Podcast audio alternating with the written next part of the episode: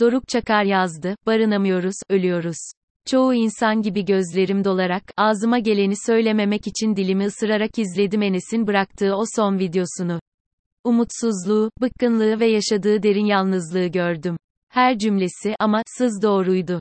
Çaresizliği de. Ortalama insan ömrü 70 ila 80, kimilerince şans sayılan tıp fakültesi ile birlikte toplam eğitim süresi 18 yıl.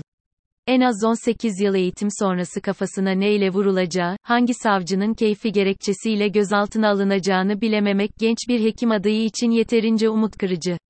Bunun üzerine yaşıtlarıyla normal, özgür, birey olmasının engellenmediği bir ortamda barınamayışı da eklendi Enes'in acılarının üzerine. Annesine, fırın, istemediği halde İmam Hatip Lisesi'nde okumaya zorlanan kız kardeşine, özgür bir gelecek diledi vasiyetinde. Enes'in intiharının ardından çok dindarından az dindarına kadar pek çok ağızdan ifade edilen, tek sorunu cemaat evinde kalması değildi, cümlesi üzerine yazmaya karar verdim. Enes o malum yerde değil de, normal olarak nitelenebilecek bir yurtta kalsaydı sonuç ne olurdu acaba, her şeyden önce, kendisi olabilecekti.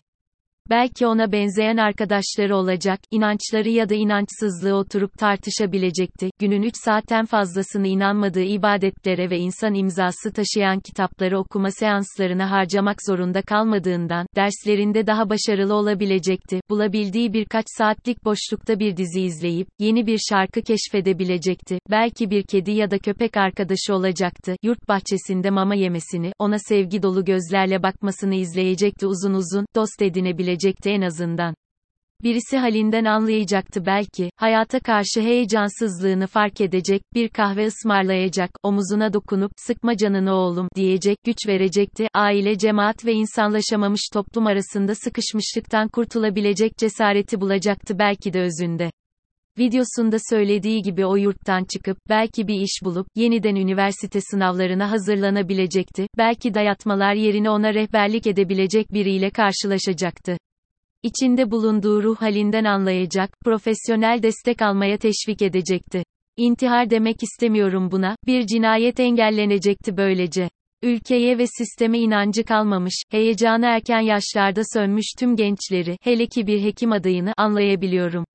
Hissettiklerim, kindar bir kavga, olmadığı gibi, ideolojik bir hesaplaşma, da değil. Enes ilk değil, son olması ise umudumuz. Enes'in babasının, devlet yurdunda başvuru yapmadık. Durumumuz iyi. Manevi olarak ahiretine faydası olsun istedim.